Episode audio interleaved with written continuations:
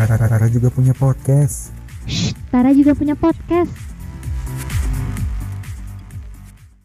Halo. Hai, ketemu lagi sama Selin dan Mandani di Onta Podcast. Hai, jumpa lagi nih Kak.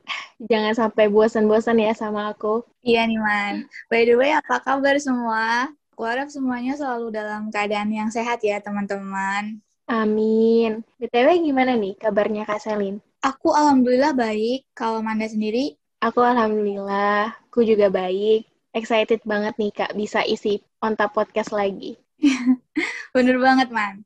Oke, jadi topik podcast kita pada episode kali ini, kita bakalan cerita-cerita tentang dunia perkuliahan yang sebenarnya. Wah, menarik banget tuh, Kak. Sabi kayaknya nih ya, Kak. Sekalian bisa spill nih gimana sih kehidupan perkuliahan di UM buat para maba.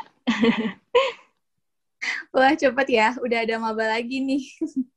iya, cepet banget ya, Kak. Bener-bener kayak dua semester itu nggak kerasa. Gimana nih, Manda? Experience-nya selama dua semester di UM ini? Wah, experience-nya bener-bener wow banget ya, Kak. Apalagi kan secara daring. Ya, walau jadi experience-nya juga secara daring, Kak. experience daring ya. Betul, Manda fakultas apa sih? Aku FMIPA Biologi. Kalau Kak Salin apa? Oh, FMIPA. Kalau aku HKN, Divis. Oh, Divis ya, Kak? Iya. Eh, terus terus gimana nih? Perkuliahan secara daringnya lancar kan tapi? Alhamdulillah lancar. Ya, tapi gitu Kak, experience-nya jadi belum bisa ngerasain vibes offline. Iya sih ya, bener banget. Untuk vibes offline itu bener-bener seru banget sih, Man. Tuh kan, boleh dong Kak nih diceritain gimana serunya offline. Karena aku samsek belum pernah offline. Sedih ya. sabar, sabar. Kalau kuliah offline sih dulu seru banget sih, Man. Asli. Kayak ada effortnya gitu loh. Apalagi waktu UAS, berangkat kesiangan, tapi dosen udah di kelas nih. Terus bolos kelas bareng teman-teman. Seru banget deh pokoknya. Wah, seru ya, Kak. Jadi pengen cepet-cepet offline nih. Eh, tapi udah nyaman sama yang online. iya sih, sekarang kita jadi dibuat nyaman ya sama online nih kayaknya. Iya, bener banget.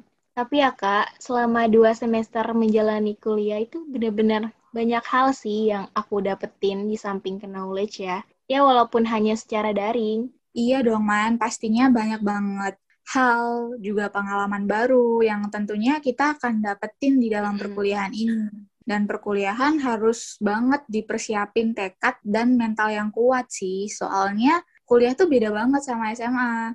Iya, Kak, bener banget. Hal yang menarik itu ketika aku inget lagi nih ekspektasi aku pas kelas 12. Gimana sih dulu aku ngebayangin jadi rasa mahasiswa gitu.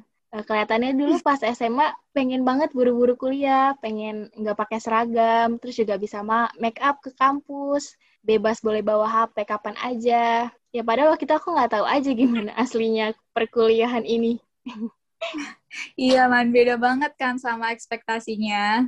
Beda banget kak. Ternyata kuliah itu nggak sesederhana itu. Setuju sih sama Kak Selin tadi. Mental dan tekad sih harus dimiliki sama mahasiswa yang wajib. Karena semua berbanding terbalik ketika kuliah. iya, beda banget man apalagi kalau ekspektasi kita tuh kayak di film-film gitu. Anak kuliahan yang kayak gampang banget hidupnya. Kelihatan santai have fun. Tiba-tiba udah wisuda aja. Itu tuh kayak cuman kebohongan belaka gitu. Bener banget kak. Pikirku dulu kuliah jadwal matkulnya fleksibel gitu ya. Eh ternyata lebih padat. Belum lagi nih ada kegiatan-kegiatan tambahan. Juga tugas praktikum yang kadang-kadang tuh waktunya berbarengan gitu. Jadi ya waktu istirahatnya lumayan terganggu sih, Kak. Iya, iya, iya. Tapi menurut aku sih, Man, kuliah juga nggak sepenuhnya di luar ekspektasi kan. Ada sisi positifnya hmm. juga gitu. Kita lebih disiplin, menghargai waktu, dan banyak lagi hal lain deh. Yes, bener banget sih. Itu sebenarnya poin pentingnya sih dari perkuliahannya untuk menyiapkan mental yang kuat untuk nanti siap di dunia pekerjaan. Yes, bener banget. Karena nanti ketika welcome to real world akan sangat-sangat high pressure banget nih. Bener, setuju. Tapi Manda, selain knowledge, yang bisa kita dapetin di perkuliahan, kegiatan lain juga bisa banget kita ikutin untuk nambah pengalaman dan bekal kita buat bisa problem solving dalam kehidupan nantinya. Mm-mm, bener banget kak. Di perkuliahan itu nanti banyak organisasi ya, mulai dari himpunan jurusan, badan eksekutif mahasiswa, sampai unit kegiatan mahasiswa. Juga banyak juga nih kak, forum-forum lainnya. Nah, bener banget tuh. Ikut PKM juga bisa loh, Man. Pokoknya banyak deh wadah buat explore keterampilan kita. Kalau Manda Bener sendiri nih, ngomong-ngomong, apa kegiatannya? Hmm, aku nyoba ikut himpunan jurusan sih kak, dan akhir-akhir ini lagi padat banget. Kak Shelin gimana? Oh, kalau aku ada ikut organisasi daerah, sama ikut Hmm. BEM fakultas sih. Dua itu sih, Man, yang lagi aku fokusin banget. Oh, intinya tuh ya banyak banget Kak yang bisa dieksplor di perkuliahan. Tapi ya semuanya harus komitmen ya. Jangan sampai nanti kita udah ikut, udah diterima, eh nanti malah ngeghosting kan kasihan organisasinya. Iya, bener banget. Kasihan organisasinya kalau kita ngeghosting kayak gitu kan. Kita juga harus tahu gitu kemampuan kita, bakat kita, dan minat kita itu apa, biar kita tuh nggak salah memilih kegiatan Iya. gitu loh. Benar, benar, benar. Ngomong-ngomong nih Kak, soal organisasi, pasti kan identik banget sama sibuk, rapat, proker, dan lain sebagainya. Yaps, betul banget, Man. Kan emang banyak tuh spesies-spesies anak perkuliahan nih. Oh ya, oh aku tahu Kak yang kura-kura alias kuliah rapat, kuliah rapat, terus ada lagi kupu-kupu, kuliah pulang, kuliah pulang. Terus apa lagi ya Kak? Ada lagi nih, kunang-kunang alias kuliah nangkring, kuliah nangkring. Ada juga kuda alias kuliah dagang, kuliah dagang. Wah, banyak juga ya Kak spesies mahasiswa ini. Tapi sebenarnya gimana sih menurut Kakak tentang spesies-spesies itu tadi? Semuanya pasti ada plus minusnya ya, Man.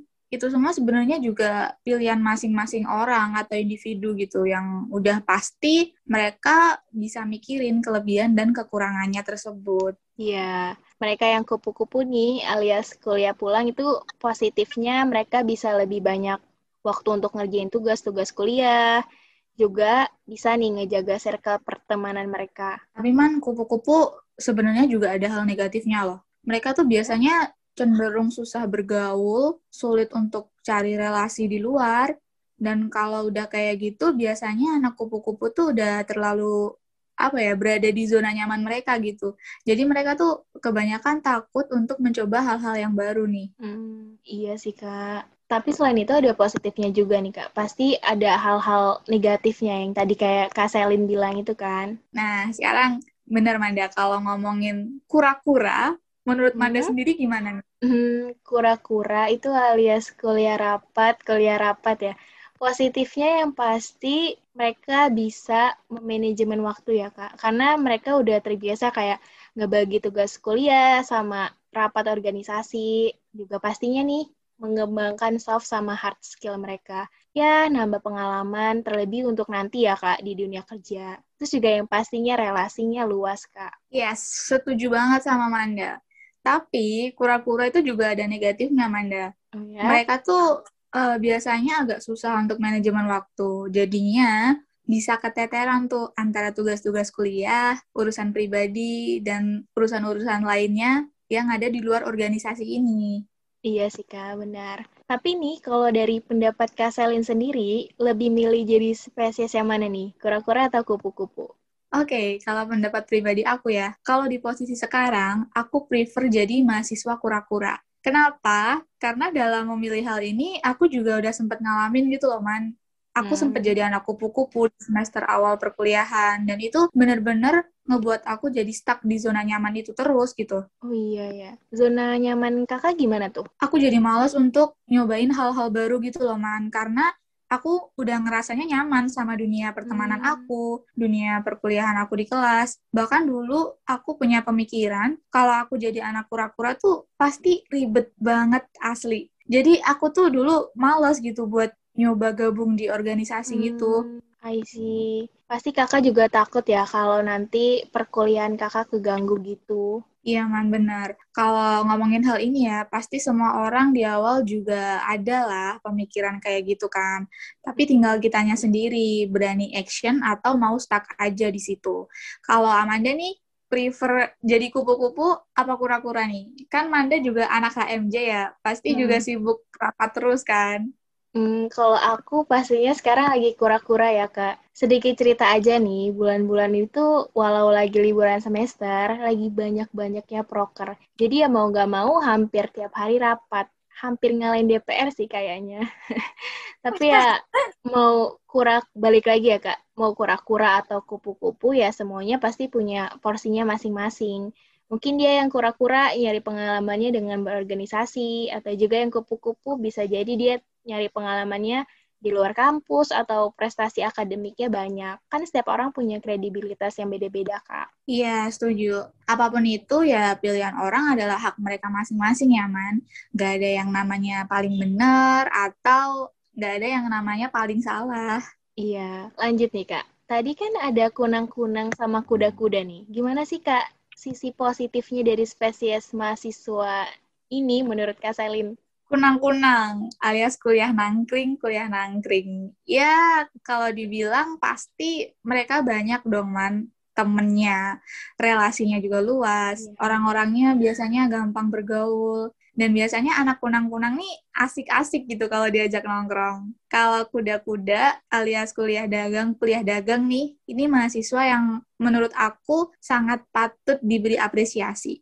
Karena mereka tetap bisa produktif gitu loh, Man. Mencari Hmm. cuan walaupun masih kuliah nih. Iya, iya. Soalnya jarang loh mahasiswa tuh yang mau gitu sambil kuliah, sambil dagang gini. Jadi aku yakin mereka setelah lulus nanti setidaknya udah punya gambaran nih, karir aku mau dibawa ke mana ya gitu. Karena mereka udah ada pengalaman kerja kan sebelumnya. Iya, iya, benar banget, Kak. Aku juga salut nih sama mereka-mereka yang kuda-kuda ini. Sangat patut diapresiasi dan patut dijadiin motivasi juga ya, Kak. Mungkin kalau menurut aku, sisi negatif dari mereka itu ya ujung-ujungnya ke manajemen waktu sih. Bisa enggaknya mereka memanajemen waktu dari nongkrong mereka, atau mereka yang berdagang ini, atau ngerjain tanggung jawab yang lain di perkuliahan gitu, Kak. Yo, Iman. Terlepas dari baik buruknya spesies-spesies mahasiswa tadi nih, asal mereka bisa memanajemen waktu dengan baik ya udah bisa dibilang aman lah menurut aku. Iya, benar dan setuju banget nih, Kak. Dari kupu-kupu, kura-kura, kunang-kunang, sampai kuda-kuda tadi kan udah kita bahas semua nih, plus minusnya. Kita juga udah sama-sama tahu kalau mereka ada kekurangan, tapi juga ada kelebihannya masing-masing. Iya, intinya sebagai mahasiswa ya kita harus pinter-pinter manajemen waktu ya, Man. Boleh kok jadi kelompok kura-kura atau kupu-kupu, kunang-kunang atau kuda-kuda atau yang lainnya tadi. Asal Ya, asal tahu waktu.